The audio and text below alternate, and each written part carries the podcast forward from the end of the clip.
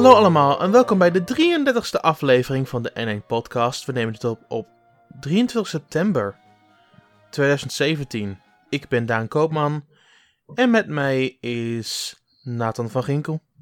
Hallo, daar zijn we weer. Het is herfst.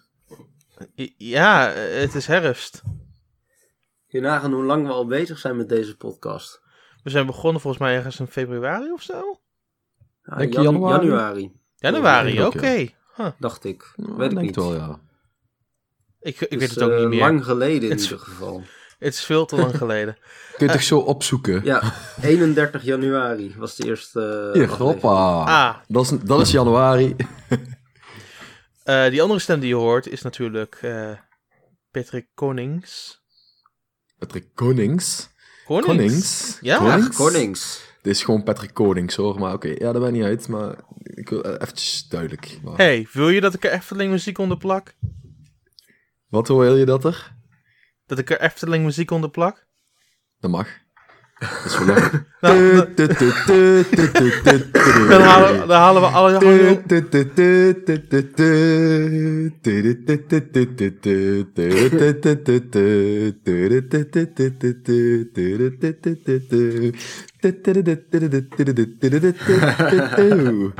En nu heeft iedereen het liedje in zijn hoofd de hele podcast lang. Yes! Ik, ik had meer het idee om de, wa om de waterladies erachter te plakken, maar dat werkt ook.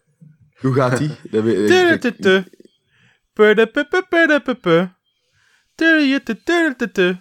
Zo gaat het door. Dat is, dat is echt veel minder memorabel dan Nou, ik eh, vind dat- ik vind- ik vind water- eh, festival. Waterladies is voor mij meer memorabel dan Carnaval Festival, maar... ehm, hey, en Je bent gek. Op, op deze manier krijgen we tenminste wel de hangjongen weg van de N1 podcast. ja, dat is waar. Hè? Dat, eh, dat doen ze ook al in, eh, in Amsterdam. In Amsterdam Centraal, Huh? ja. In de Eipassage Huh? doen ze dat nu tegenwoordig, ja. Dan, Het is gemist. ja, tussen de, tussen de echte avonduren, de nachturen, eh, Patrick, gooien ze nu Efteling muziek in, over de speakers zo om hangjongen weg te jagen. Ja. Oké. En ze doen precies Nou. de twee nummers die wij net hebben geneuried. Precies. ik ben benieuwd of het gaat helpen. Ik denk dat als jullie eh, hangjongeren waren, dat het niet zou helpen. Maar goed. nee. Maar wij zijn ook, geen, wij zijn ook geen hangjongeren meer. nee Meer wij, zegt wij, zijn hangouderen. ouderen. Hang, hangouderen. Ehm, Ah, voordat ja. we echt gaan openen, waren er nog feedback of vragen? Ja, iemand eh, wil dat eh, als ik er niet bij ben, Jer- Jeroen wil dat als ik er niet bij ben, dan moet echt even iemand een paar keer zeggen, dat is echt super vet. Dus eh, ja, Ja, dat vind ik echt een super vet idee, Jeroen. Daar gaan we wat mee doen. Oké. Blijk- blijkbaar, blijkbaar zeg ik dus echt vaak, dat is echt super vet. Dus eh, ik ga dat eh, deze podcast heel vaak zeggen om eh, te compenseren dat het de afgelopen podcast niet genoemd is, eh Jeroen. Dan Nou, weet je je moet dat. jezelf maar eens Weet je wat, weet je wat, lijkt, weet je wat lijkt me super vet? Dat lijkt me echt super vet. Of zo, ja, en, dan. precies, ja. Ja, nou ja, ik, ja, blijkbaar eh, gebruik ik dat vaak, dat kan. Ja, dat is Dat is inderdaad. echt super vet. Ja, dat is super vet, ja. Eh, dat was hem. Ja, voor de rest hebben er nog wat mensen lijstjes eh, opgestuurd. Dus jullie zullen vast wel gevraagd hebben waar eh, mensen nog het meeste naar uitkijken op de Switch. Of op de Nintendo hardware. Ja, zoiets. Zou het zo kunnen, ja. Ja, DJ That Dream eh, die heeft eh, eh, aangegeven dat hij toch wel het meeste uitkijkt naar Xenoblade Chronicles 2. eh, Pokémon Sun en Moon Ultra. en eh, Mario Odyssey en FIFA 18 voor de Switch. Ja. Jee, FIFA 18, komt FIFA 18 komt al deze week, dus dat is zo snel. Ja, Ja, en volgens klopt. mij heeft die, eh, heeft die game net zoals NBA een eh, day one patch. Diep gooi. Dat zou kunnen, ja. Categorie kleine cartridges. Yes. En Nintendo-fan eh, die heeft eh, doorgegeven Fire Emblem Warriors, Super Mario Odyssey en Sonic Forces. Sonic Forces, juppie. Ik heb geen interesse in Sonic Forces.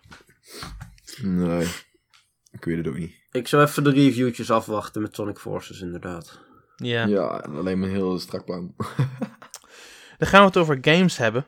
Games die we gespeeld hebben. En de eerste op de lijst is een game waar we vorige week al een klein beetje over hadden gehad. Maar we wouden er nog niet zo lang mee wachten. En dat was Project Octopath Traveler. Oh jee. Die game is echt super vet. Nee, nee, Nice. maar even, ser- even serieus. Ik heb die demo echt gespeeld. Eh, ik, vond, ik, vond, ik vond het echt super vet. Nee, ik, Dus, v- eh, ik eh, vond die demo heel erg tof, ja. Welke kant heb jij gespeeld? Beide of één van de twee? Beide, ja. Ik, heb, ik, heb de, ik ben begonnen met Primrose. En toen dacht ik van... Dit is echt super vet. Dus Oké, nu mag je daar wel mee stoppen. Maar, dat, verhaal van Primrose was echt donker. Jeetje. ja, ja, ik vond, ik vond eh, dat verhaal ook wel eh, wat interessanter eh, dan... eh, van- Ja, hoe heet, hoe heet ja. die andere nou? Ik ben de naam alweer helemaal kwijt. Ik- ik ben een- toch? Alderic, ja. Ja. Ja. ja, die wordt de hele tijd Burke genoemd, toch? In eh Ja. dingen. Ja, ja. Maar, maar ik, ik, ik vond... eh, ik vond het ook al best wel uitdagend. Zeker dat- dat baasgevecht aan de kant van eh Burke. Hm. Dat was, eh, eh, ja, het, het, ja, weet je, het, het, het is natuurlijk niet heel erg eh, eh, bijzonder moeilijk, maar dat is ook niet gek, want het zijn de tutorials. Eh, wat, wat verwacht je dat dat al heel moeilijk is? Maar ik merkte wel dat zeg maar, het, het vecht, gevechtssysteem wat erin zit, dus dat je de enemies moet breken door eh, een, aantal, een, een bepaald aantal keer de, eh, ehm, Aan te vallen. de, de weakness aan te vallen. Ja, ik, dat, ja, dat is in ieder geval een nieuw gevechtssysteem wat ik nog niet teruggezien heb. Nou ja, daarnaast merk je wel dat eh, de developers van Bravely Default erop zitten, omdat ze natuurlijk ook die Brave Points eh, hebben. ja. Of ik weet het even niet hoe ze het hier noemen, maar... eh, Eh, is- dash points? Nee, ja, volgens mij wel gewoon Brave... Het heet wel BP-punten in ieder geval, dus... eh, Ja. Hmm. ach. Dus ik verwacht eigenlijk gewoon Brave Points. Maar die, dezelfde ability heet wel, dus, wel zoiets als dash, volgens mij. Ja, dat zou Ja. kunnen als je het gebruikt. Dat je, Weet maar in ieder geval, het, je gebruikt om dat te doen BP-punten. Volgens mij staat dat gewoon voor Brave Points, wat hetzelfde is natuurlijk als het eh, Bravely Default. Dus Ja, ja, ja, ik, ik, vond dat wel, eh, ja, ik vond dat sowieso wel leuk. Het enige verschil is wel dat je bij deze game krijg je gewoon iedere beurt krijg je één BP-punt erbij. Dus je hoeft niet te defenden om een BP-punt te krijgen. Dat was natuurlijk bij, eh, ehm, bij Bravely Default wel. Dan moest je echt eh, een beurt zeg maar niet aanvallen en dan kon je in de volgende beurt twee keer aanvallen. En hier kun Ja. je in principe iedere beurt twee keer aanvallen. En als je zegt van ik val een beurt één keer aan, dan kun je de beurt erop drie keer aanvallen. Dus eh, ik, ja, ik vond echt, eh, ik vond het, ik vond het al best wel diepgaand. En eh, ja, de, verhalen die werden in ieder geval leuk opgestart. Ehm, ik vond alleen, want je kunt, als je, als je de ene tutorial af hebt, dan kun je dus naar, de, naar het andere land en dan kun je die, die andere personage, die andere hero dus recruiten. En daar zat nou helemaal niks omheen. En dat, ja, dat, dat vond ik een beetje heel gek. Want ja, Ja. eh, weet je, wat, wat, wat, wat, welke overeenkomst heeft Primrose nou met Burke? Helemaal niks. Nul op dit moment. Er niks van bekend. En ineens, Nee. ja, ik kom hem tegen. Oh ja, ik ben een party met jou. Ja, d- d- dat, dat vond ik een beetje, eh, een beetje raar. Want, Het is een ja, beetje goed, geforceerd inderdaad, maar ik denk dat Maar- het puur is voor deze demo. dat, maar dat, ja. dat hoop ik wel, want anders eh, dan wordt het een lange zit. Maar ja, goed, tegelijkertijd, het heet, eh, de game heet Octopath. Dus dat er acht verschillende Paden zijn. ja, misschien wel acht verschillende verhaallijnen zijn die je volgt. En ja, goed, dat is, dat is heel even de vraag van, van komen die verhaallijnen wel ergens samen? Eh, of, of gaan ze dat juist net niet doen, omdat het gewoon acht verschillende verhaallijnen zijn? Dus dat, eh, dat, daar ben ik nog wel heel erg benieuwd naar, wat ze, welke kansen daarmee opgaan. Dat weten we niet precies, nee. Ik, ik zou meer hopen dat het één game zou zijn. Ja, dat, dat, dat vond ik dus ook gek, want het deed mij eh, qua opbouw heel erg denken aan eh, Dragon Quest 5 of 6. Ik ben heel even kwijt welke het precies was, maar die begint ook zeg maar met eh, vier of vijf chapters, waarin je in chapter 1 een personage, in chapter 2 een nieuw personage, in chapter 3 twee nieuwe personages, in chapter 4 een personage en in chapter 5 komen die allemaal bij elkaar. En ja, bij- dat klopt. Ja. en, en, en eh, kijk, ik had het idee dat dit een beetje hetzelfde zou zijn. Alleen eh, als je de tutorial van Primrose af hebt, ja goed, het is nog steeds een demo, dus we weten niet precies waar het heen loopt. Ja. Maar ik zou verwachten van, ik heb nu de Primrose eh, tutorial af.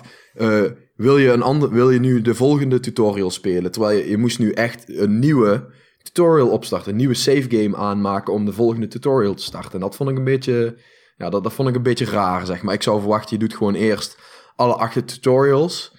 En dan ja, ga je eh, de, de groep bij elkaar. Op de een of andere manier moet, die, moet er ergens een verbond zijn tussen die acht personen. Waardoor ze eh, met elkaar eh, de strijd aangaan. En ja, hun, hun verleden aanvechten. Ja. En ja, goed, dat, dat, dat moet ik nog heel even zien. En als dat erin zit, want ik vond de tutorials qua verhaaltelling echt vet. Ik vond inderdaad het verhaal van Primrose vond ik wel net iets eh, beter. En eh, de, ja, dat werkte voor mijn gevoel ook beter dan eh, van Burke. Maar eh, ja, ik vond het echt, eh, ja, ja, ik vond het mooi. Eh, Nathan, toen we het er vorige week over hadden, had je Primrose nog niet gespeeld. Heb je dat nu wel gedaan? Nee, daar ben ik helaas niet aan toegekomen. Hmm. Dus eh, dat moet nog gebeuren helaas. Maar ik eh, kijk wel naar uit. Ik ben wel blij dat Patrick dat gedaan heeft.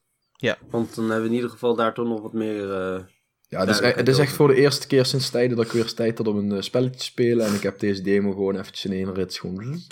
Want Nice. eh, ik, ik, vond, eh, ik vond Primrose zo vet dat ik dacht van ja, fuck, nu moet ik Burg ook doen. En eh, ja, dat, ik ben begonnen met Burke. Dus eh, voor mij is het geen afda afdalende lijn, maar een stijgende lijn. Dus, Ja, zeker. Ja. Ja, ik vond sowieso, eh, oh, daar hebben we het eigenlijk nog helemaal niet over, maar de artstyle vind ik echt geweldig. Echt. Nee, Ja. het is- het is gewoon top. Het ziet er gewoon Eh, fantastisch wow. uit. Wow. Gewoon wat ze zeg maar met het, ja, toch het oude eh, eh, RPG-idee, zeg maar, om het dan op deze manier, zeg maar, eh, te presenteren. En ook de battles, de, de, de vijanden, hoe die eruit zien en zo. Ja, ik vind het echt, eh, ik vind het echt super vet. Dus, eh, ja. ja, en nou zeg ik het weer. en nou deed ik het niet bewust. Dus, eh, Maar je doet het ook niet bewust. Dat, dat maakt het ook zo mooi.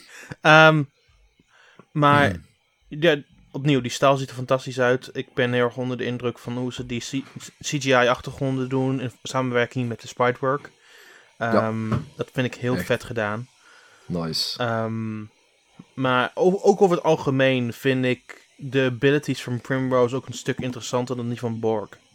Eh, met Borg's ability kun je, Burk. Sorry, kun je iedereen aanvechten die je tegenkomt. Mhm. En dat is leuk tot een zekere hoogte. Ik vind het interessanter om gewoon overal in town te gaan en echt allies te vinden en dan ze te lore en vragen om gewoon met me samen te werken. Ehm, Ja, goed, kijk, de, vraag is heel eventjes van, eh, van wat gaat dat verderop in de game nog doen? Want ja, we hebben nu natuurlijk, eh, je, met, eh, met Primrose moet je één persoon eventjes loeren en mee weggaan. En je kunt dan nog iemand loeren. En met Burke moet je de paar gevechten doen. Maar de vraag is heel even, hoe gaan ze dat verwerken? En hoe gaat dat invloed hebben op, eh, op, eh, eh, op het verhaal? Want je hebt zeg maar ook dat percentage van hoe gewild je bent in een bepaalde stad, zeg maar. ja, Eh, en ja, Ja. goed, de- kijk, dat, dat, daar merk je, daar heb je in de demo eigenlijk, zie je dat het er is. Maar we weten eigenlijk nog niet wat dat gaat doen. Want je, de- je kunt zeg maar eh, verwachten dat er dus steden zijn waar je uitkomt, waar je heel laag begint. En waar je kunt opwerken, waardoor bepaalde dingen makkelijker worden. En, maar waar je door, misschien zijn, is er ook wel een plek waar je juist, ja, waar je echt vijanden moet maken. Nou goed, en daar kun je dan misschien eh, bijvoorbeeld Burg weer beter eh, voor gebruiken. Want die gaat gewoon met iedereen gaat die een beetje vechten daar op de straat. En bam, bam, bam. Want ja, goed, we hebben nou gezien dat ze dit gebruiken om te trainen. Maar ik kan me voorstellen dat het, eh, dat het verderop in de game bijvoorbeeld ook gebruikt wordt om gewoon een eh pick a fight. Kom op, kom, we gaan vechten. Dat natuurlijk weten we niet hoe, hoe het gaat Ja, in de daadwerkelijke zijn, game. Maar, zijn, voor mij- natuurlijk voor- aannames. maar dus, eh, natuurlijk voor de demo nu vond ik het niet zo interessant in vergelijking met wat er was. nee, ja, het, het voegde niet heel erg veel toe op dit moment. Nee. Maar goed, we hebben, we hebben acht heroes, dus we hebben ook acht, van, acht keer zo'n skill. Dus Ja. eh, dat, eh, ja, de- wat dat precies gaat worden, dat... eh, ja, ik, ik kijk er in ieder geval heel erg naar uit. Ik denk dat eh, deze game nu wel eh, eh, op eh, redelijk hoog staat op mijn lijstje van... eh, ja, die wil ik echt heel graag spelen. En eh, dat lijstje dat is eh, de afgelopen maanden eh, ja, steeds kleiner geworden, omdat ik te weinig tijd heb. Dus, eh, dus ik moet daar toch keuzes in gaan maken. Maar eh, ja. Nee, ik vind echt, eh, ja, hebben ze een goede demo. En ik, ik was ook echt verrast dat ze, die, eh, eh, dat ze die demo al uitbrachten. Want ja, de game die komt uiteindelijk pas eh, Volgend ja, jaar. ja. begin, begin 2018 of zo. Was dat, de dat planning. zeggen we, maar tegelijkertijd waren de eerste demo's voor Bravely Default ook wel op een heel vroeg stadium uit. Ja, maar dat was, geen, eh, dat was niet zo vroeg. Nee, het was ontzettend vroeg in Japan vooral. Eh, niet zo in, in Europa en Amerika, omdat hij later wordt aangekondigd. Maar toen hij in Japan uitkwam, hadden we iets van vier demo's in een periode van een jaar. Oh, dat klopt, ja. Die hebben daar, daar, hebben ze inderdaad... eh, nou, nou je dat zegt, weet ik dat eigenlijk wel. Maar Ja, hier was het Vier een demo's? een Ja, vier, in, in Europa en Amerika hebben ze het in één demo gegooid die constant updaten. In Japan hadden ze vier aparte demo's. Dus het zou ook nog kunnen zijn dat ze dat op zijnzelfde manier dat we binnenkort nog een demo krijgen. Misschien met twee- andere paden. Het zou heel goed mogelijk zijn, ja. Ja, weet je, kijk, als ze, als ze, als ze misschien eh, brengen ze alle tutorials wel gewoon al uit. En eh, om, in de hoop dat mensen helemaal gek worden en eh, die hele game willen spelen. Dus het kan natuurlijk een marketingstrategie zijn. Want, Ja, als zo'n strategie werkt met Bravely Default, waarom niet opnieuw gebruiken? Ja, ja, ja Bravely Default heeft het natuurlijk heel goed gedaan. Dus eh, ja. Ik, ja, vind ik op zich geen... eh Ja, goed, alleen bij Bravely Default was het wel echt... Die demo, dat was echt een heel losstaand iets. Dat eh, zat helemaal... Dat was echt iets apart van de game. Ja, dat is waar. Ja. Dus, Dat hebben ze opnieuw, nog een keer opnieuw herhaald met Bravely Second, waar je echt een aparte demo had met een apart verhaallijn. ja, Mhm. ja, dat klopt. Dus het- zou heel goed Maar ik- kunnen. Ik moet wel zeggen, het eh, nadeel van dit eh, is wel dat, ja goed, de studio, in ieder geval een deel van de studio van eh, Bravely Default is dus nu hiermee bezig. Mhm. Dus dat betekent dat er in ieder geval voorlopig even geen Bravely Third gaat komen. Ja, Nou, nee, tuurlijk, maar ik is sowieso dat- is dat- niet. Is dat zo- ik denk dat het wel komt, maar is dat zo schande nu met de game die we nu hebben gekregen? Nee, nee, nee. Nee, maar de studio achter Bravely Default, dat is eh, Silicon Studio. Die Ja. werkt op dit moment ook nog aan een andere game met eh, Mistwalker, de, de studio van, eh, The Last Story. van The Last Story, ja. Ja, Dus Dat ik klopt. verwacht niet dat ze sowieso... eh, En misschien moeten ze gewoon eventjes de Bravely Default gacha game ook naar global brengen. Dat zou wel, eh, zou fijn zijn. maar ja, helaas alleen maar in Japan op dit moment. yes. Ehm, dan gaan we door. Eh, ik heb van de week heel veel SteamWorld Dick 2 gespeeld. Daan strooit met tienen. ja, hoe dan? Nou ja, het strooit. Dit is de eerste keer dat ik in vijf jaar een 10 heb gegeven. Nou ja, het moet Dat, is best veel. zijn. Dan heb je dus al twee keer de perfecte game gespeeld in de afgelopen vijf jaar. Als je het zo bekijkt. ja, oké. Eh, nee, het is... eh, Ik was enthousiast over SteamWorld Dick 2 toen ik hem voor het eerst speelde tijdens Gamescom. Maar ik had niet verwacht dat hij zo goed zou zijn. Ehm, wat ze hebben gedaan is eigenlijk gewoon alles... Alle klachten die ik had met hun vorige games, dus met de originele Dig en met... ehm, en met Heist hebben ze gewoon in één game verwerkt en gewoon echt een uitstekend product afgeleverd. Ehm, en ik denk... Ja, de- Hm? Deze ga ik eh, dadelijk eh, na de podcast eh, downloaden en eh, spelen. Dus eh, dat is echt wel... eh top. heb ik ja. me voorgenomen. Ik, ik, ik- Ja, ik- ik heb hem al gedownload. Nice. Ik moet hem Ehm, ook nog spelen, maar ik heb hem wel gedownload gisteren. Ik heb hem gisteren al 100% uitgespeeld. Eh, Oké. Hoe lang ben je daarmee bezig? ehm, totaal ben ik daar 17 uur mee bezig geweest. Ik heb, is, ik heb echt alle upgrades gevonden. Ik heb ehm, de geheime content gevonden die je krijgt als je 100% hebt uitgespeeld. Ehm, ja, ik heb alles gedaan in die game. En het bevestigt juist meer dat ik het juist heb gedaan om die game een 10 te geven. nou, maar- nou ja, het is... Maar eh, eh, wat die game zo goed doet, in vergelijking vooral met hun vorige twee games op 3DS. Ehm, ik vind dat ze in deze game echt de beste wereld ooit hebben gebouwd. Ehm, want met, Steam, met SteamWorld Heist was het gebouwd op zeg maar echte cafés. En tussendoor had je dan de gevechten en de interacties op je schip. Ehm, Ja. Met eh Dig was het zo dat er nauwelijks intera- interactie was. Er was wel interactie in Tubbleton, eh, de town in de originele game. Maar die was ontzettend minimaal. Ehm, Mhm. Maar, maar vi- vind je dat, eh, SteamWorld, eh, dat je de SteamWorld Dick eh, eh, games wel kunt vergelijken met SteamWorld Heist? Jawel, want het, is hetzelfde soort, hetzelfde soort opbouw. Het is een hele andere genres, maar het heeft eenzelfde soort opbouw. Ehm, maar wat ze hier hebben gedaan is, ze hebben eerst de elementen genomen van Dick en dat meer veranderd in een Metroidvania. Mhm. Die heel erg flexibel voelt in de dingen die het kan. Vooral de, de abilities die je krijgt tijdens het doorloop van het spel, zoals de, zoals de jetpack en de hookshot, voegen echt wat toe aan de spelervaring. En dan hebben ze dingen genomen van Heist zoals ehm, hoe je met personages omgaat, hoe je, ze, hoe je het verhaal vordert. Maar ze hebben het in een beter pakket gegoten en op een manier die mij heel erg aanslaat. Want de, de town waar je heel veel interacties hebt is in um, El Mecanico. En elk personage heeft echt een heel uniek karakter. En het voegt ook echt, echt wat toe aan dat spel. Um, en daarnaast is het zo, met het spel in het algemeen, is dat het ook een heel stuk vlotter verloopt dan de originele dik. Van, vanaf minuut 1 gaat het als een speer voorbij. En daar had ik af en toe wel een pro problemen mee met de originele dik, waar, waar, ik de, waar ik de eerste uur altijd best wel saai vond na een paar keer. En, ja, dat is wel waar. En, en nu vlieg je gewoon door het spel en ontdek je gewoon constant nieuwe nuances in de gameplay. En daar geniet ik van. Ik geniet van dat spel. Als ik dat spel aanraak, nu zelfs dat ik nu alles heb gedaan. Ik vind het nog steeds leuk om door die, door die um, wereld te banjeren en kijken welke routes ik precies heb aangelegd aan het einde van de game. Um, en die routes zijn chaotisch. Die zijn heel chaotisch. Dat geef ik ook heel graag toe. um, maar het bevestigt wel wat ik erover, wat ik erover vind en over denk.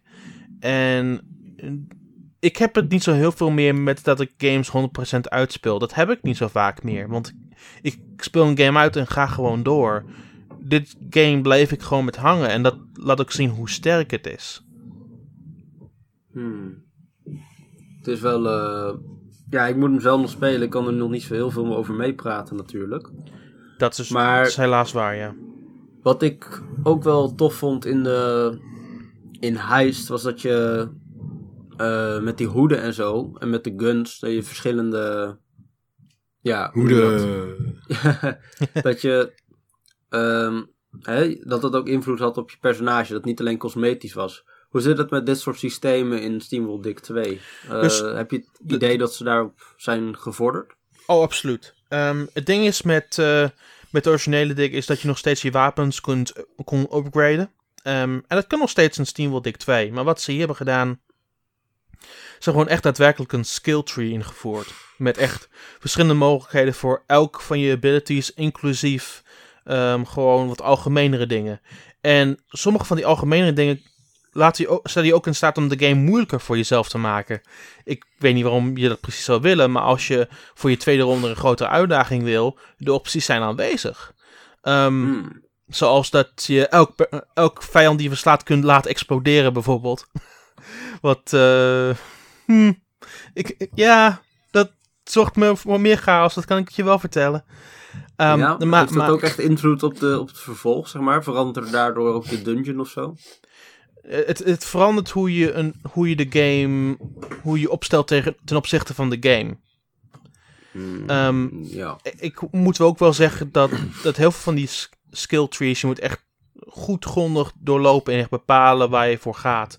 Want met de skill trees, je unlockt die vaardigheden met gears. En gears vind je overal in de wereld. Je vindt ze in de, de challenge schotten waar je puzzels om moet lossen. Uh, je vindt ze in hele specifieke plekken in de omgeving. En er zijn totaal echt iets van 100 om te verzamelen. Dus echt belachelijk veel om te besteden aan abilities. Um, dus het, het, vraagt ook heel veel planning van je. En ik vind dat, ik vind die ik vind dat planning aspect vind ik het meest interessante eraan. Mm, Dat snap ik. Ja. Dat, is echt, echt, dat is echt RPG-achtig, hè. Dus, uh, nou ja, dit is niet... Het, het gaat in ieder geval een stapje verder in dat opzicht dan Heist, vond ik. Want Heist vond ik heel erg straightforward. Um, het, ja. wist, het wist wat het wou zijn. En hier heb je echt keuze. En keuze vind ik wel het voornaamste hier. Oké. Okay. Nou, ik, ik moet het echt nog even zelf spelen, maar ja. Hm? Je, daar kon je toch ook... Uh, bij SteamWorld Heist had je toch ook skills? Je had skills, maar die skills waren echt op een, in een lineaire lijn. Uh, je had niet gekeuze wat je precies ermee wou doen. En voor de rest... Oh, dat klopt, ja. Die kreeg je gewoon als je, als je level up ging, dan unlockte je weer een volgend level van een skill of een volgende skill. Ja, dat niet klopt. echt een... Uh... Ja, ja, nee, nou ik het weer, ja. Nu heb, je, uh, nu heb je echt de keuze om dingen te lokken op de manier zoals jij dat heel graag wil. Dus als je liever meer geld wil verdienen met de gems die je omhoog haalt, dan kan dat. Als je liever offensief speelt en meer, meer wilt, wilt vangen van vijanden, kan dat. Eh, je kunt ehm, de, de bommen upgraden, zodat je in mid-air kan schieten. Er zijn, er zijn heel veel kleine dingen die je gewoon zelf kan bepalen terwijl je de game aan het spelen bent. En dat, dat vind ik wel erg tof eraan. Ja, Nice. oké. nou ja, we gaan het wel zien.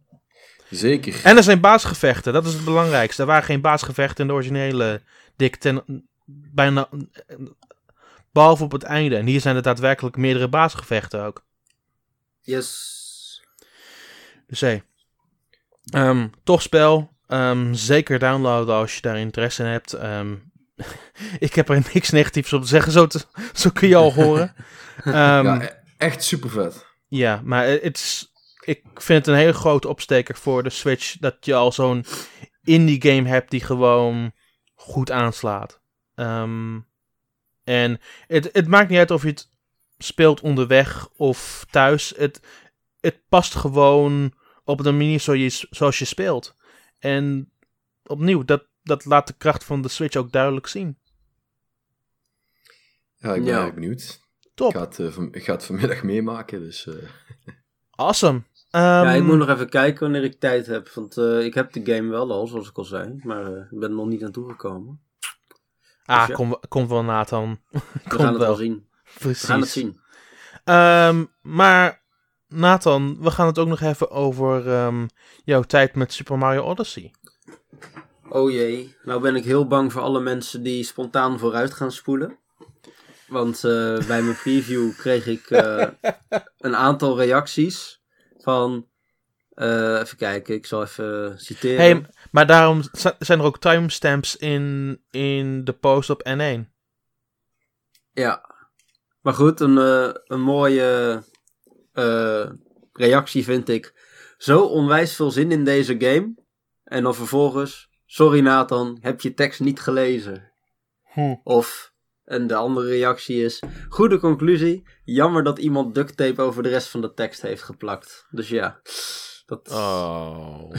dat is wel jammer, maar ja. Ehm, je doet, net, je niet- doet net of de duct tape echt bestaat. Je bestaat daar niet in die tekst. Nou, wat scheelt het? Ehm, het, is, eh, het is toch wel, eh, ik weet niet, eh, mensen die, eh, die kijken uit naar deze game, die hebben toch zoiets van, ja, ik wil niet te veel gespoild worden. Maar goed, ehm, zonder te veel in te gaan op de inhoud. Het is super vet, deze game. Ehm, de fotomodus, die ik eh, in de laatste alinea genoemd heb, die kun je op zich spoilervrij lezen. Ja. Eh, ja, het is gewoon super tof dat je gewoon op een willekeurig moment kun je de game stilzetten. Dan kun je gewoon om Mario heen draaien, hè, om eh, alle assen. En eh kietjes schieten, vervolgens allemaal filters eroverheen zetten. Ze hebben eh, filters ook eh, die, zeg maar, inspelen op eh, kwaliteit, hè, beeldkwaliteit van oude consoles. nice. Zoals een Super Nintendo filter. Daar heb ik ook nog een plaatje van in de preview staan. Cool. Game Boy, blauwprint hebben ze. ook Ja. ver- verfsoorten. Dus eh, bepaalde lichteffecten, et cetera. Het, is, eh, ze hebben, het is Mm. echt ontzettend eh, uitgebreid.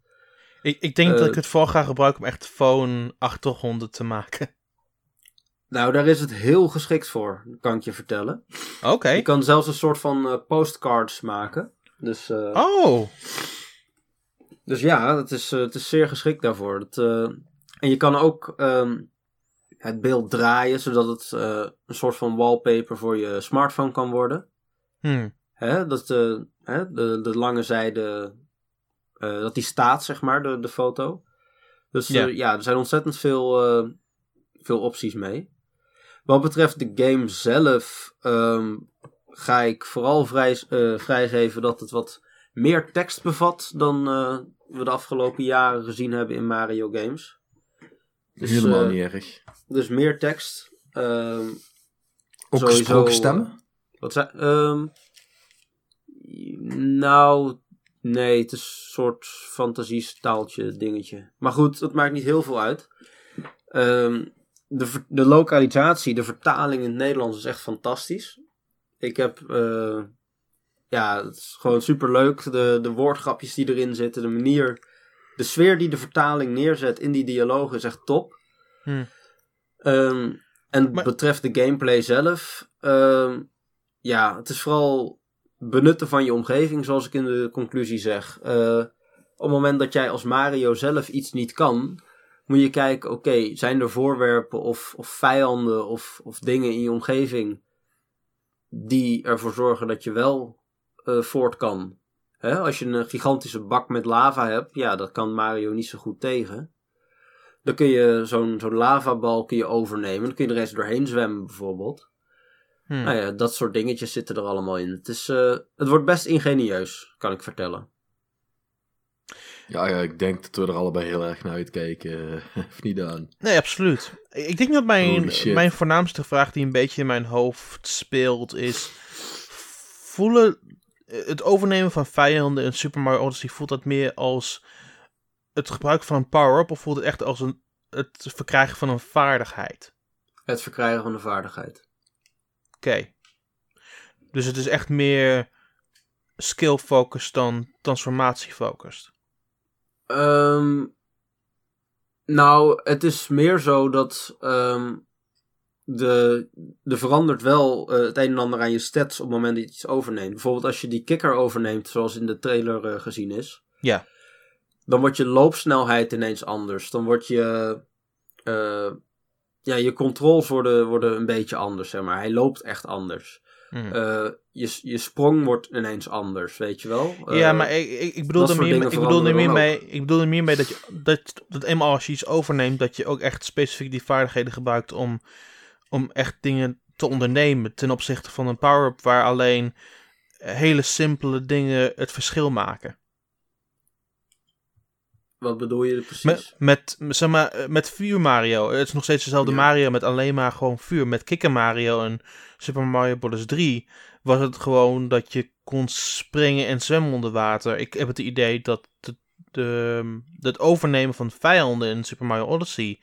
dat het meer ge- gefocust is op het gebruiken van skills... in plaats van het zijn van een pure transformatie.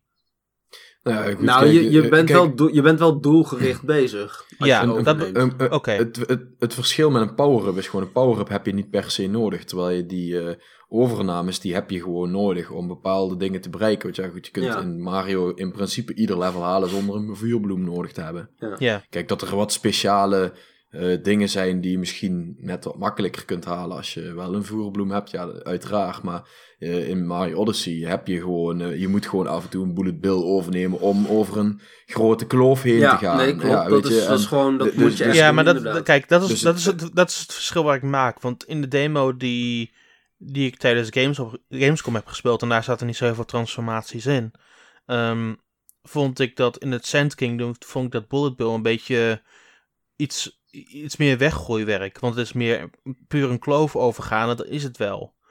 Ehm, maar ik ben, ik ben wel blij om te horen dat de dingen die Nathan heeft gespeeld echt meer gefocust zijn op het gebruik van de skills op een more grandioos, op een meer grandioze scha- schaal.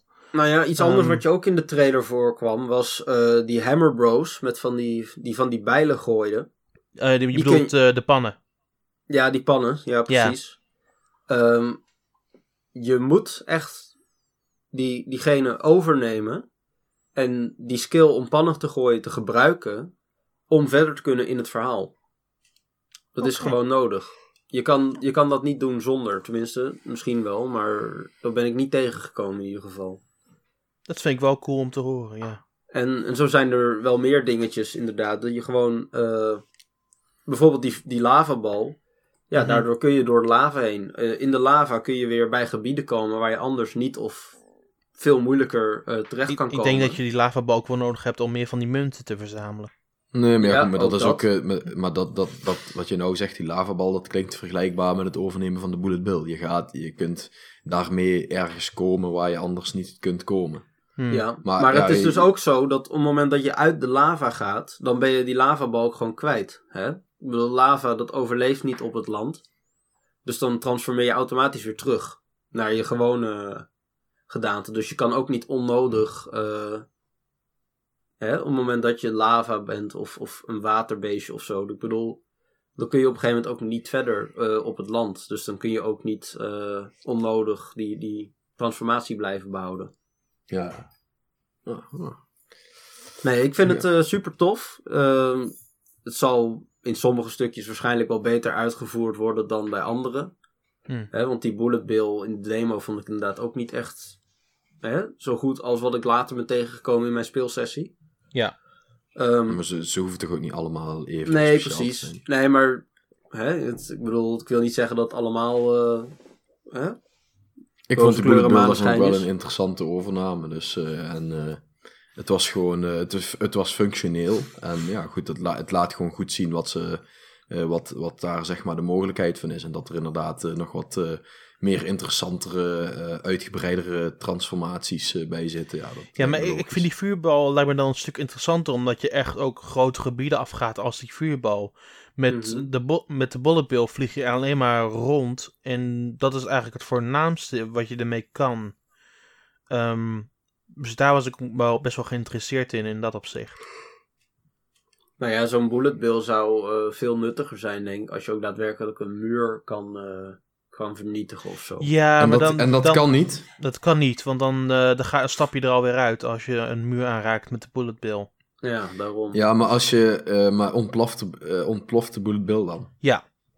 Nou ja, dus als er een, eh, eh, een destructible wall is en die bullet bill die schiet normaal gesproken zeg maar totaal niet op die plek, dan kun je dus die bullet bill overnemen, daar toch naartoe vliegen en dan toch die muur kapot krijgen. Ja, en op het laatste moment spring je eruit, zeg maar. Ja. Ik bedoel, als ze dat soort dingetjes doen, dan kan die bullet bill ineens ook een stuk interessanter worden. Kijk, ik weet niet of het erin zit, maar... Nee, ja, dat weet ik je ook kunt, niet. Je kunt, je kunt natuurlijk van, alle, van dat soort dingen, dat kun je natuurlijk verzinnen. Dus eh, het lijkt me gek als ze dat niet verzonnen hebben. Ja, Want dat, ei- eigenlijk, eigenlijk is dat iets wat ze al in eh, Super Mario 64 hadden zitten. Dus eh, ja. dat je de bullet bills eh, naar bepaalde plekken moest leiden om daar geheime gangen te openen. Ja. Mhm. Maar goed, Dus ze snappen hoe het werkt. ja. nee, ehm, nee, in het algemeen denk ik van, nou, dit wordt gewoon een toffe game. Ik, vind het jammer, ik vond het ook erg jammer dat ik weer moest stoppen, want het vloog voorbij de tijd. Ehm, ja, ik heb uiteindelijk twee Kingdoms en nog het eerste gedeelte van, hè, zeg maar, het begin van het spel gespeeld. Dus ook Hoe voor voelde, hoe voelde het begin van het spel? Was het een goede introductie? Je hebt eerst een, een uitgebreide animatie. Oké. Ehm, dat is op zich een, een goede introductie, vind ik. Mhm. Ehm, het stukje hoederijk wat ik gespeeld heb, heb ik niet heel veel tijd gehad om zeg maar echt te kijken, oké, wat, wat is er allemaal te vinden en zo. Hm. Maar als je er gewoon doorheen loopt, vond ik het een beetje saai. Tot, maar ja, op een gegeven moment kom je bij de eerste minibaas. Die was op zich wel tof. Eh, en verder heb ik niet kunnen spelen, want eh, ja, daar hield het stukje op, zeg maar, voor mij. Toen eh, moesten we door naar het volgende kingdom. Dus ik heb niet echt een goede indruk kunnen krijgen van hoe, de, hoe het hoederijk verder eruit ziet na de eerste minibaas. Fair enough. Oké. Maar ja, het is, het is een beetje grauwig en, en ik weet niet. Het is, het is wel duidelijk een, een introductierijk, zeg maar. Ja. Oké. Nee, dat is duidelijk. Ehm, Had jij nog andere vragen, Prettig? Anders gaan we... gaan we Nee, nee. Oké. Dan gaan we door naar het nieuws. En er zijn vijf berichtjes die we willen behandelen. Het eerste, en dat is het voornaamste, is... eh, dit is van de week ehm, ehm, vrijgekomen door een aantal eh, mensen in de homebrew scene... die de Switch hebben onderzocht. Er zit een, een volledig werkende versie van Golf in... Van Golf, de originele NES Golf, in de Nintendo Switch. Ehm, deze game was oorspronkelijk gecodeerd door Satoru Iwata. En wat blijkt, deze game unlockt zich alleen op 11 juli. De datum waarop die over- is overleden. Ehm, Ja, het is eigenlijk een soort debug-modus waarin die, eh, waarvoor die is gebruikt. Hè? mhm. En eh, daardoor kun je ook gewoon eh, hè, de data en dat soort dingen, die, die kun je heel specifiek neerzetten. Daar hebben ze toen 11 juli voor gekozen. Inderdaad. Maar er is Ja. nog iets. Ja, je, moet je moet echt specifiek de direct gebaar doen zoals je dat vroeger deed in Nintendo Directs. En als je dat doet, dan zegt hij ook Chocsets. Dat is de Japanse versie van Directly to You. Ehm, en dan schakelt hij direct over naar de golfgame, die ook echt bestuurd moet worden met, ehm, met motion. Ja, met de Joy-Con. Ja, Ja, het is, eh, hij is voor mij alleen in eh, versie 1.0 speelbaar, toch? Van, eh, ja. De- bij latere updates eh, is hij niet meer speelbaar. Hij is wel Dat speelbaar, maar dat betekent dat, ehm, Of onbereikbaar. dat betekent dat je moet wachten tot eh, de volgende 11 juli. Dus 11 juli volgend jaar zouden we wel weer eh, dat kunnen spelen. Ja. Nou ja, dat is iets om in je agenda te zetten op zich. Ik ben wel benieuwd. Ja. Het is, het is op zich opmerkelijk. Ik weet dat iemand het ehm, bij complete ehm, verwarring een keer is tegengekomen op 11 juli. En toen heeft hij daar geplaatst op eh, GBA-temp. En toen is daar verder niks meer van terechtgekomen. Maar nu is dat gereserved omdat mensen er nog een keer nogmaals naar hebben gekeken. En het blijkt gewoon een, een omomorie. Gewoon een, een, een Denk, eh, een, een Japans gedenk, gedenkding richting Satoru Iwata, wat ik wel een mooi, wel gewoon een mooi ding vind. Zoek je het woord hommage? wat zei je? Zoek je het woord hommage? De Ja, Omari, zoiets. dat hommage is, dat werkt ook. Ehm, eh, maar eh, ja, dat is eh Het is wel Dat bijzonder vreemde. inderdaad. object Ah, ja. dat gewoon in de Nou Switch ja, zit. goed, we moeten in ieder geval dus weer tot 11 juli wachten. Ja, Ja. dat sowieso. Hmm. Kwam de Switch dus toch met een gratis game. Die één keer per jaar een dag te spelen is, als je weet hoe je hem kunt spelen.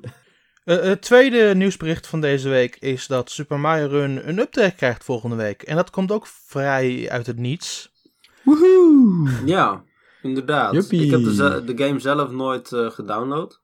Ja, Uh, dus kan mij niet zo super interesseren. Maar ik weet wel dat eh, destijds dat Nintendo redelijk teleurgesteld was met de verkoopcijfers. Dus ze proberen nou weer even een boost eh, te geven. klopt. Prijsdaling, heb Ja. ik ergens eh, gehoord. Klopt, volgens mij. naar, eh, naar 5,50 euro. Nou, dat is in ieder geval eh wat schappelijkere prijs. Ja, Ja, zeker. het- dat is, eh, het- de weet je, weet, weet je als, ze- als, ik blijf erbij als ze slim zijn, dan maken ze die game gewoon, eh, weet ik veel, 1 euro. En dan eh, koopt iedereen die game. En dan eh, heeft iedereen een vette Mario game op zijn telefoon staan. En dan heeft Nintendo precies bereikt wat ze willen. En eh, ja, nou blijft het nog steeds een drempel. Dus, eh, maar ja, Ja, maar... ehm, je de game is toch al gemaakt. Ze, ze weten toch al dat ze het, eh, het heeft niet gebracht wat ze willen. Nou, breng het gewoon, eh, maak het gewoon beschikbaar voor de hele wereld. eh, voor de normale prijs. Dan eh, is iedereen weer blij. Ja, maar wat en, is een eh, normale prijs? Een normale prijs voor een Mario game is 40, 50 euro. Ja, maar voor een mobile game niet. Nou ja, dat is maar net hoe je het bekijkt. Nee, Want uiteindelijk moet dat geld toch ergens vandaan komen. Nee, voor een mobile game niet. Voor een mobile het- game is, zijn er genoeg spelletjes 5 euro. Ja, ja, maar geen 5,50. dat is weer een gek getal. Maar goed, dat, dat, Ja, dat doet er heel even niet toe. Eh, mobile games, daar kun je geen 40 euro voor vragen. En eh, Super Mario Run is gewoon echt een mobile game. En eh, ook qua ontwikkeltijd en dergelijke zal dat reuze meegevallen hebben. verwacht ik. En anders zijn ze gewoon heel slecht bezig geweest. Maar het was natuurlijk hun eerste uitstapje naar mobile. Dus dat, dat, dat daar misschien wat extra tijd in heeft gezeten, dat kan. Ehm, maar ja, goed. Ja, jij zegt eh, Mario, eh, ja, waarom eh, dat, normaal is dat 40 euro. Nou, op mobile, daar past dat prijskaartje gewoon niet bij. En als het gewoon slim zijn, ja, ik, ik blijf daarbij. Kijk, ze hebben nu geprobeerd om het op deze manier te doen. Toch de hoofdprijs te vragen voor, voor een mobile game. Nou goed, we weten allemaal hoe dat geëindigd is. Want ze zijn er gewoon heel erg zwaar ontevreden over hoe het spel verkocht heeft. Nou ja, nou komt er een prijsdaling. Nou, over een half jaar komt er nog een keer een Ja, prijsdaling. maar je hebt Eh, nou een, een prijsdaling en extra content, hè? Ja, dat kan. Dus dat is is meer dan de helft korting. Want je krijgt meer content voor de helft van de prijs. Bijna Ja, maar, ik, maar, de, maar de, eh, ook de helft van de prijs is nog steeds aan de hoge kant voor een mobile game. Dus uh, ja, weet je, ik had, ik had het. mee eens, maar goed. Ik had, uh, ik had gewoon gezegd: uh, ja, doe er, maak het gewoon voor, heel, voor iedereen beschikbaar. maak het inderdaad één of twee, of in ieder geval max vijf dan. Maar 5,50 dat is dan weer een heel gek bedrag, vind ik. Maar goed, dat maar, zal er wel um, weer mee liggen. Als jij die game voor 10 euro gekocht hebt en bijna een jaar later komt die game voor 2 euro daar in die store, dan voel je je toch ook wel genaaid? Nee. Want uh, dat is dus onzin. Want ik koop toch ook spellen voor 60 euro die je uh, een jaar later voor uh, minder dan de helft kunt kopen in de winkel. Nou ja, dat, doen wij, dat... dat, doen wij, dat doen wij altijd, Nathan. Dat, ja, ja als je als je, als je een nieuwe game koopt, dan, dan, is die, dan, is die meer, dan kost die meer geld. En dat er een prijsdaling komt na verloop van tijd, ja, dat is logisch. Dat is met alles. Nou dus... ja, op een gegeven moment wel, maar ik vind het wel redelijk snel. Maar goed. Ja, nou ja, goed. Uh, hoe, hoe, hoe, hoe, hoe lang houdt een nieuwe game zijn waarde? Als je gaat kijken naar uh, games die, die uitkomen nu. En je gaat um, Nee, maar dat verschilt heel erg per game. Want het is gewoon van, hey, zolang er aanbod is, dan, uh, of zolang er vraag is, dan houden we die prijs hoog. En bij Mario games duurt het normaal echt 4, 5 jaar voordat er een, een prijsdaling komt. Ja, goed. Dat, dat, dat, bij Mario games zijn daar de uitzonderingen op over het algemeen. Maar goed, dit is een Mario game op mobile, dus dat is een heel ander concept. Nou nee, maar goed. Dat maakt niet zo heel veel uit. Dit is een beetje een nutteloze discussie. Als we kijken naar wat er nou daadwerkelijk in de update zit, dan... Ja, laten we daarover gaan hebben. Ja. ik bedoel, ehm, een nieuwe game modus, Remix 10, of Remix 10, of net hoe je het wil noemen. is eigenlijk gewoon een set van uh, 10 superkorte level segmenten. Ehm, je kan Princess Daisy nu redden. En haar unlocken als playable character. Ja. Uh, zit dat in dezelfde modus? Um, nou, je, je bevrijdt deze in deze modus, maar daarna is ze speelbaar in alle, in alle content. Ah ja. Uh, er is ook een nieuwe wereld aan het einde van, um, van de reguliere game. Die heet een World Star. Dus je hebt dan de zes werelden die al in de game zitten. En dan krijg je nu een extra wereld achteraan. En die blijk, is blijkbaar ontzettend moeilijk. Um, een verrassend nieuw ding dat ze hebben toegevoegd, wat blijkbaar nog niet in de game zat, is dat je nu naar je eigen muziek kan luisteren. ja, oké. ja. Sure. Maar, um, ja, Remix 10, is dat gewoon, ze pikken 10 level segmenten, zeg maar, level sections. Ja. Uit bestaande levels of zo? Nee, ze bouwen specifiek hele korte levels. Dus ze hebben oh, ja. ze echt, echt specifiek korte levels gebouwd voor deze modus. En daar speel je de 10 van en daarmee unlock je Daisy. Maar je kunt de modus blijven spelen ongeacht of je teruggaat, ja of nee. Dus eigenlijk kun je gewoon zeggen dat de, de game bijna twee keer zo groot geworden is nu. Met deze update. Ja, de game wordt twee keer zo groot nadat de update uitkomt, ja. Uit. Maar we weten, niet, we weten niet of die D&D is op Android. Dat is het enige probleem hier. Um, want dit was natuurlijk um, aangekondigd in de App Store. Uh, ja. Want de App Store is compleet vernieuwd met iOS 11. Mm -hmm. dat was vorige week uitgekomen. Ja, vorige week. Ja, voor mij direct na de persconferentie van Apple. Ja. en daarmee uh, hebben ze nu aangekondigd dat ze, dat ze nu een hele nieuwe webpage hebben. Een nieuwe, betere curation voor uh, de App Store. En een van de hoofdpagina onderdelen was dus deze update. Ja, ik denk, ik zou het wel een beetje lullig vinden als hij nou weer, zeg maar, een paar maanden later naar, uh, naar Android komt. Dan maak je eigenlijk dezelfde fout twee keer. Ja, ik vind dat ze niet deze fout nog een keer mogen maken, maar eerlijk gezegd verwacht ik het wel, want het is Nintendo. Ja, mm, geen idee. We gaan het wel zien. 29 ehm, september, dat is de datum. Mhm. Dus we zien wel of die dan ook in uh, Google Play uh, doorgevoerd wordt. Ik vind het in ieder geval wel heel tof dat ze gewoon nu, want het is gewoon een gratis update. Dat ze iedereen die die game gekocht hebben, uh, gewoon hetzelfde spel, zeg maar, hoe noem je dat? Gewoon evenveel content, gewoon hup, erbij eh, voegen. Mhm. Dus eh, dat is wel tof. Ehm, eh, eh, het volgende bericht is dat Square Enix probeert de consoleversie van Final, Fan- Final Fantasy 15 op de Switch te krijgen. Hoezee. dit, was, dit was met een eh, interview met de director van de game, Ja. Yame Tabata. Ehm, en hij zei dat, eh, dat, hij, dat hij bezig was samen met Epic en Nintendo om te kijken wat ze precies willen doen voor een eventuele Switch-versie. Onlangs hebben ze natuurlijk eh, de Pocket Editie aangekondigd voor mobile, wat een volledige game is, maar dan ehm, met een paar dingen minder. Ja, het is- Ehm, speelt heel anders ook. Ja, het speelt nu met touchscreen controls en dat soort dingen allemaal. Ehm, Maar eh, wat ik zei, het zou natuurlijk ook wel heel gek zijn als eh, ehm, een mobile versie eh, hetzelfde eh, zou spelen als een PlayStation 4 game. Ik weet niet, eh, Nee, maar dat is waar, tuurlijk. Maar dat is een hele Ja. gekke vergelijking. nee, heb je gelijk in. sure. Ehm, hier zegt hij het volgende over. We zijn nu bezig met zeer specifieke technische onderzoeken naar de mogelijkheden. We hebben deze testen uitgevoerd en bepaald hoe we ervoor staan. We zijn midden in de discussie wat we zouden moeten doen en hoe we dat kunnen realiseren op de Nintendo Switch. Op dit moment, we kunnen op dit moment niets bekendmaken. We hebben nog geen volledige beslissing gemaakt om de beste manier om dit te doen. We hebben een open discussie met Nintendo momenteel over wat zij denken dat het beste is om te doen. In alle eerlijkheid, toen we de technische test deden om te zien of we dezelfde originele engine voor andere consoles op de Nintendo Switch konden draaien, waren de resultaten niet tevredenstellend. Het was niet wat je van het eindproduct verwacht.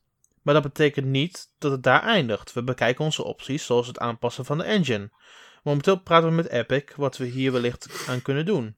En als we wellicht een Switch-versie zouden doen, of we misschien zouden kunnen samenwerken. Hun Unreal-omgeving is geweldig en erg bruikbaar.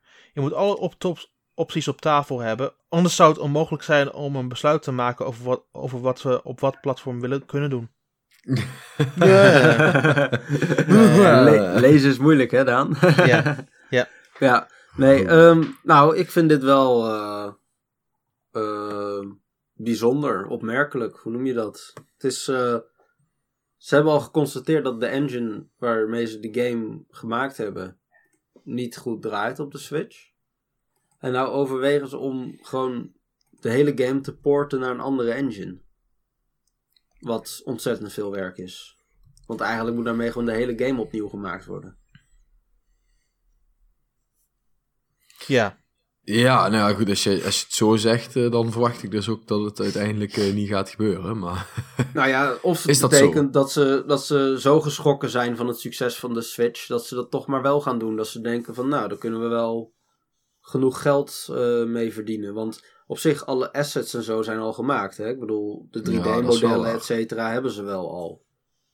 Dat, scheelt. Maar ja, eh, het, qua technisch, eh, hè? op technisch gebied moet het wel allemaal opnieuw dan. Als je naar Unreal gaat porten. En het scheelt natuurlijk wel dat die, dat die engine heel goed werkt met, eh, met de Switch. Ja. Dus dat zou echt super vet zijn als ze dat ook daadwerkelijk gaan doen. Hè, Patrick? Super vet, toch? nou, een, een beetje vet. maar eh, ja, we kijken, we, zien het wel, hè? ja, het zal nog wel eventjes duren zo te horen. Ik ben ook wel benieuwd trouwens, zou ook eh, helemaal wat zijn als ze zowel de consoleversie als de Pocket Edition naar de Switch brengen. Want dat kan wel met, eh met touchscreen van de Switch. Mm. Ze zouden ook gewoon de Pocket Editie gewoon iets meer aan kunnen passen en naar de Switch kunnen brengen. Maar dat weet je ook nooit zeker. Nou ja, precies, dat bedoel ik. En dan Hmm. eh, eventueel ook nog een eh, Unreal Engine eh console port. Dat zou... ja, dan heb je wel ineens heel veel Final Fantasy op je Switch. Nou, we hebben ook momenteel nog geen Final Fantasy op onze Switch, dus het zou wel heel fijn zijn. Nee, het zou ook meteen de eerste mainline Final Fantasy zijn op een Nintendo-platform sinds Final Fantasy 6. Dus Ik stel voor dat ze eh, eh, voor, voor de Switch-versie eh, teruggaan naar de roots en dat ze Final Fantasy 15 ombouwen tot een game à la Final Fantasy eh, 1, 2, 3, 4 en 5. à la Project Octopath Traveler. Ja, ja, juist. Dat zou nou echt vet zijn. Die is ook gemaakt met Unreal Engine trouwens, dus uh, Dat klopt, ja. wie weet. De mogelijkheden zijn blijkbaar daar, maar ehm, we zullen af moeten wachten of het daadwerkelijk gaat werken. Ja, ik ben heel benieuwd. yep, yep. Maar ja, vraag We het het, eh, het, duur, het zal vast nog wel eventjes duren. Hm. Dat sowieso, maar ik vind wel dat ze heel veel praten over Final Fantasy 15 voor de Switch. Op het moment dat ze nu zeggen van, ja, de, de, de, de echte engine waarmee we het gebouwd hebben, dat werkt niet lekker. En we zijn aan het overwegen een gigantische investering te gaan doen. Maar we zijn wel constant aan het praten, ook in de media, over Final Fantasy 15 voor de Switch. Dus eigenlijk creëren ze nu wel een soort van hype voor iets wat er niet is. Verwachting. Ja, Ik denk dat ze ook gewoon een beetje wouden peilen of mensen daadwerkelijk interesse hadden in zoiets. Zeker. Een beetje, Dat, een eh, beetje, een beetje de, de pap warm, warm houden en kijken waar het schip strandt. ja Ehm, kijk, als Maar, Als ze bewijzen van eh, nou ineens eh, 10.000 of eh, 100.000 reacties krijgen van eh, ja, kopen, kopen, kopen. Dan weten ze ook weer, ah, we hebben in ieder geval weer net wat meer eh, moeite. Het is gewoon een eh, idee pitchen en eh, in de wereld gooien en kijken wat erop terugkomt. ja, ja, dat is precies. waar. Dat- Dat, is waar. Dus er gebeurt heel veel. Dus eh, Ik denk dat ze deze reactie puur hebben gegeven op het feit dat mensen erop gereageerd hebben van hé, hey, dit zouden we wel heel graag willen zien. ja, dat denk ik ehm, ook wel. Dus ik denk wel dat de kans daar is dat we het überhaupt op de Switch gaan zien. Op welke termijn zou ik dan niet kunnen zeggen. Ja. Nou ja, als je dan kijkt bij de reacties onder het artikel op onze site, dan zijn mensen toch niet zo super enthousiast. Zeker, maar ik, ik denk ook niet dat, dat een producer zoals dit zou, iets zou zeggen als ze niet zeker zouden weten dat er een kans zou zijn. Dat is waar. Sure. Oké. Ehm, Goed. Het het volgende berichtje hier is dat Mario Plus Rabbids momenteel de best verkopende non-Nintendo game is op, op het platform. Terwijl het wel gewoon Mario, Mario de titel Ja. heeft. Dus ik weet niet hoeveel, hoeveel dat waard is. Ehm, maar het is wel zo dat ehm, in Noord-Amerika was het in de top 3. In, in, in de meeste van de Europese landen binnen de Europese Unie, zoals waar echt verkopen duidelijk worden aangegeven, zoals Duitsland, Groot-Brittannië, Frankrijk, stond het Ja. ook allemaal redelijk bovenaan. Nee, zeker. Dat is, eh, veel mensen hebben het game gekocht. Ook eh, bij ons op de site eh, kom je dat wel veel mensen die, die de game gespeeld hebben. Ja. Dus nou ja, dat is mooi voor Ubisoft. Ik vind het wel inderdaad veelzeggend dat het inderdaad eh gelicenseerde Mario game is die dan de best verkochte third party game is. Ja, Er worden Nou geen ja. cijfers genoemd, dat is ook wel opvallend, maar goed, het is nog steeds een third-party game. Dus eh waar. ongeacht of er Mario in zit of niet. Ja, dat is waar. ja. ik denk wel dat Ubisoft dan meteen zoiets heeft van we moeten meer, nog meer cash op de Switch, maar dat zien we dan wel weer. Nou ja, ze hebben sowieso al die eh, eh, No Man's Skylanders eh, voor de Switch. Ja. Eh, no Man's Skylanders. En Steep, als we moeten geloven dat hij nog steeds komt. ja, dat vraag ik me heel erg af, als ik heel eerlijk ben. Maar goed. La- ze, hebben nog gezegd, ze hebben nog gezegd een paar weken geleden dat hij nog steeds komt. Dus ehm, nou, Oké. Wanneer wordt South Park nou eens aangekondigd voor de Switch? Ja, geen idee. Dat mag inmiddels ook wel gaan gebeuren. ja, dat, ik- dat vind ik eigenlijk echt- dat het wel moet gebeuren. Maar ik Dat weet had, niet had ik wel verwacht. Toevallig ook een van de reacties op de. eh, in een van de reacties op onze eh, podcast van de vorige keer, daar eh, zei ook iemand eh, van nou, ik had van Ubisoft wel eh South Park eh, verwacht ondertussen. Ja. Wij Ja. ook. Nou ja, South Park is gewoon... maar- een- maar het, ko- maar het komt voornamelijk omdat het ook draait op Snowdrop, de engine van eh, Mario Plus Rabbids. Ja, en South Park is gewoon een, een, een serie die het globaal heel goed doet. Ik bedoel, het is niet zo dat dat alleen iets is wat, wat Nintendo-fans per se niet kopen of zo. Ik bedoel, het slaat nergens op. Nieuwe seizoen van South Park is eh, vorige week of twee weken geleden ook weer begonnen. Dus eh yay. Ja. Nee, voor mij, eh, voor mij mag die game, en trouwens de Stick of Truth ook, eerste game, mag voor mij weer allemaal best naar de Switch komen. Ja, Stick of Truth heb ik al helemaal uitgespeeld, dus dat hoeft van niet. Ja, ja, tegen de, tegen de Eerlijk, tijd... eerlijk, gezegd- eerlijk, ge- eerlijk gezegd zou ik ze dan ook wel beide willen zien, want ik heb Stick of Truth een beetje gespeeld, maar niet helemaal doorheen gelopen. Dus dan zou ik hem... game is, dus- dus dan zou ik- game is echt super vet. Het, het is wel een game die ik dan eventueel zou willen spelen in handheld modus. Nou ja, dat, dat vind ik ook wel. Wel het een goede optie, goede optie, Het zeker. is een, een turn-based game natuurlijk, hè? Allebei. Mhm. Dus eh dat leent zich daar prima voor. Ik ben alleen wel bang dat tegen de tijd dat, als deze games eh, naar de Switch komen, dat tegen die tijd dat jij ze ook allebei al hebt uitgespeeld, Patrick. Dus eh, Oh ja, ja, goed. Ja, één van de twee heb ik al uitgespeeld. En eh, ik heb de Collector's Edition voor de PlayStation 4 in pre-order staan bij Ubisoft. Hoppakee. Dus die krijg ik, als het goed is, over weken. twee weken. denk ja, ik. drie, zoiets. Dus zeer, nee, e- eerst komt Middle-earth nog uit. En daarna komt op de 14e of zo, denk ik. 14e of 15e, dan zal, de, dan zal eh, de Fractured But Whole wel uitkomen. En dan de Ja. week erop,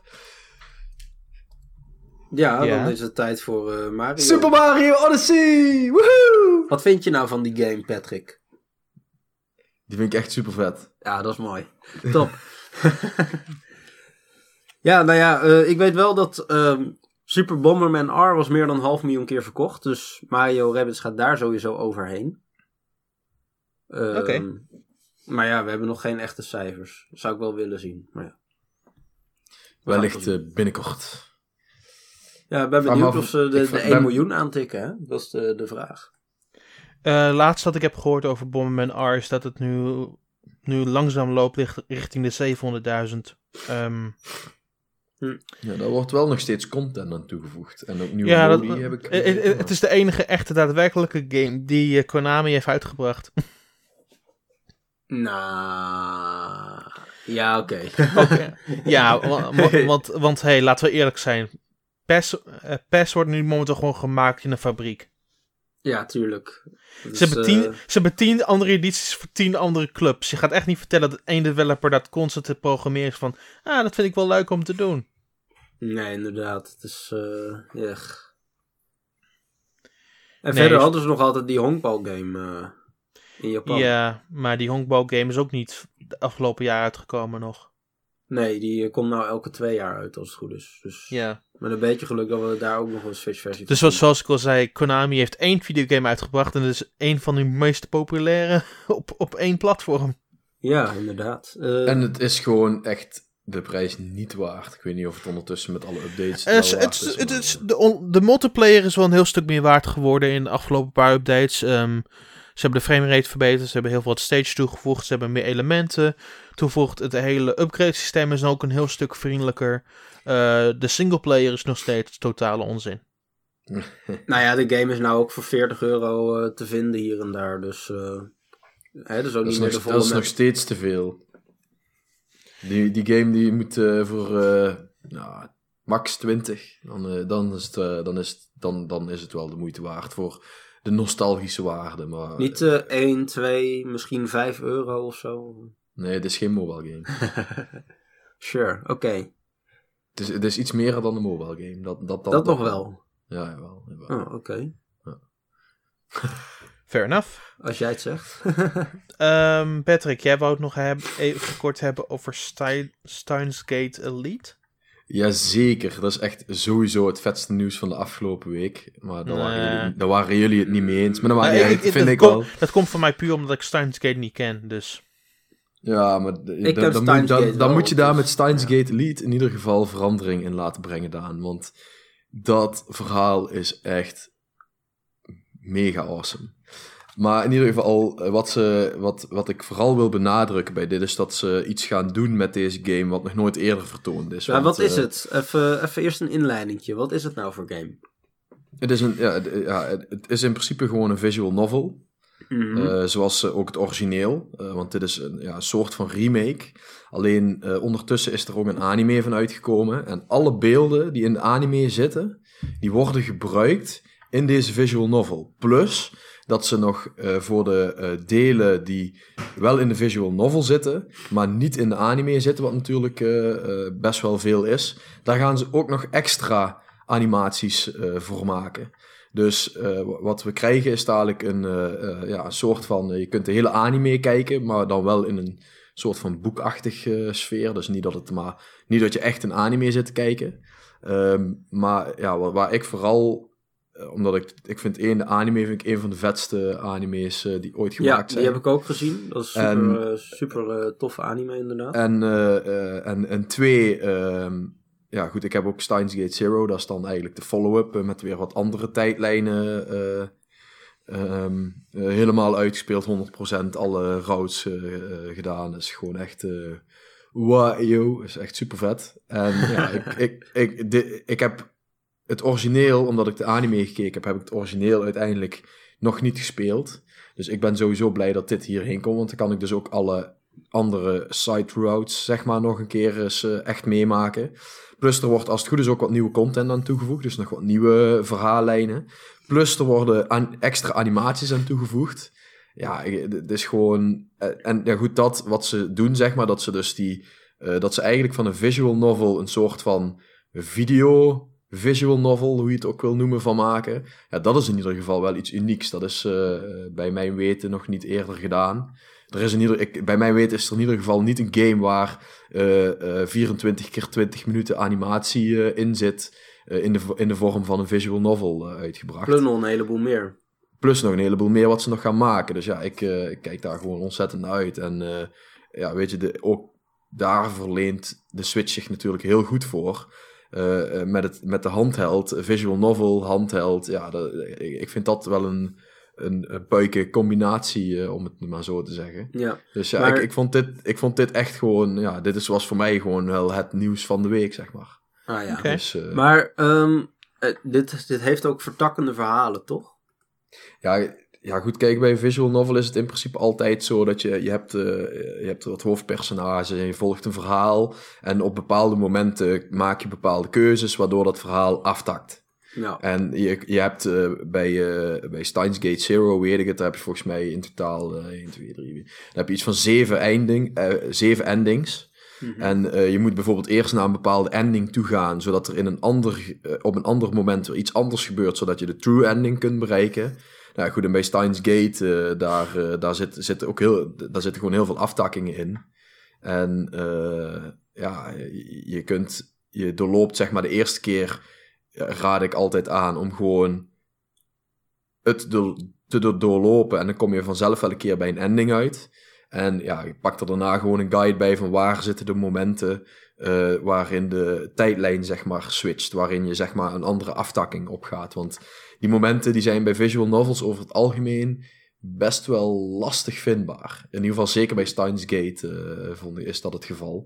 Dan, moet je echt, uh, dan is het gewoon een, een sms'je dat verstuurd wordt of een uh, berichtje wat je te laat oppakt. Of een, een telefoontje wat je te laat oppakt. Dat kan al iets, iets doen met de verhaallijn. Oh, en ja. dat, uh, dus ik, ik, ja, ik heb dat ook bij Steins Gate Zero gedaan. Ik heb eerst gewoon uh, naar een ending gespeeld. Nou, toen ik die ending had, toen heb ik een guide erbij gepakt, ben ik daar naartoe gegaan en heb ik alle aftakkingen gedaan.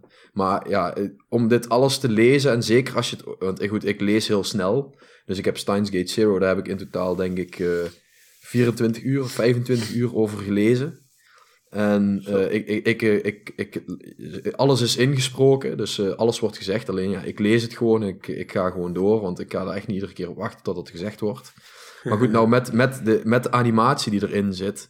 En Steins Gate was ja, ongeveer qua tijdspad uh, investering vergelijkbaar met Steins Gate Zero.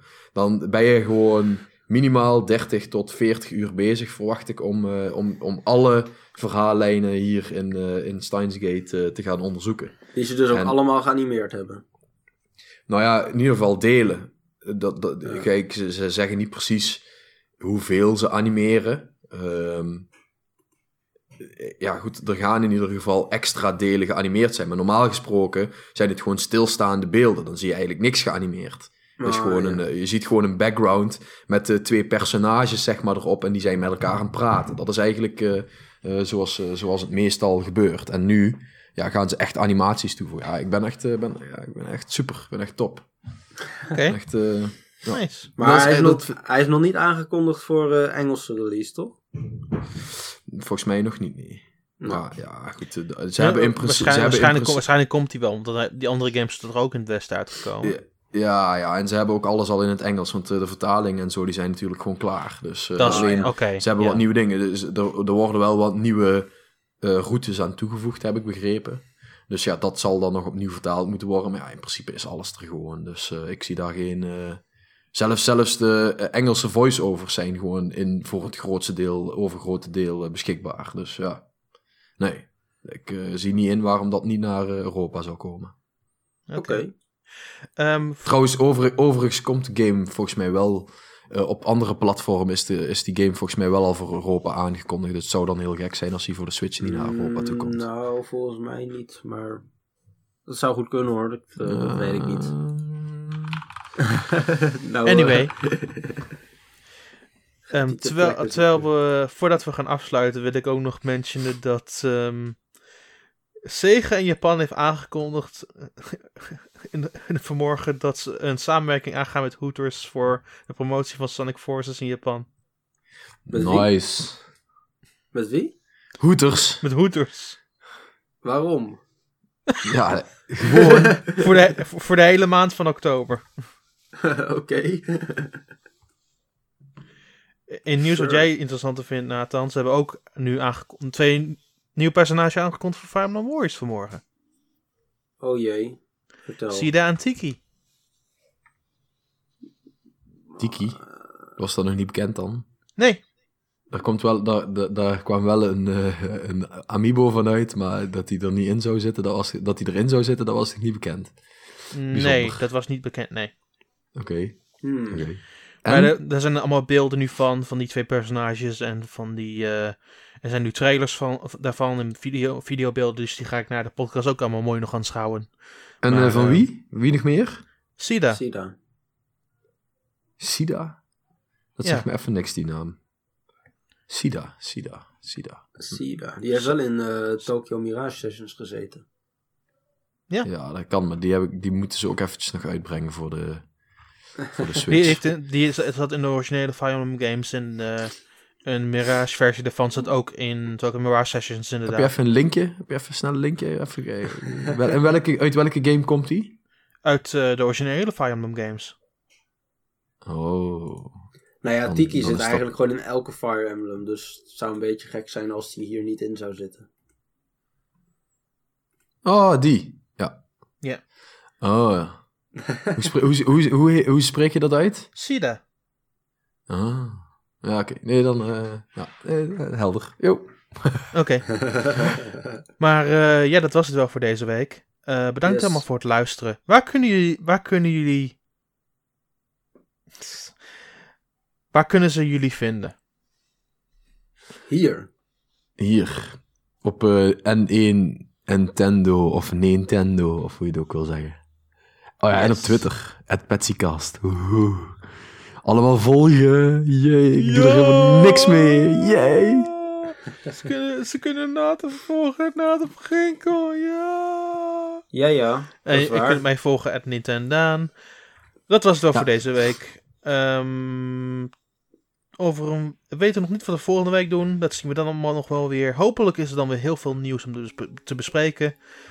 Net zoals deze week. Want er was genoeg dankzij Tokyo Game Show. En hopelijk komt er nog genoeg meer. Want eh Tokyo Game Show, ze blijven nog steeds stage shows doen en dat soort dingen allemaal. Dus wie weet. Anyway, ehm, tot volgende week.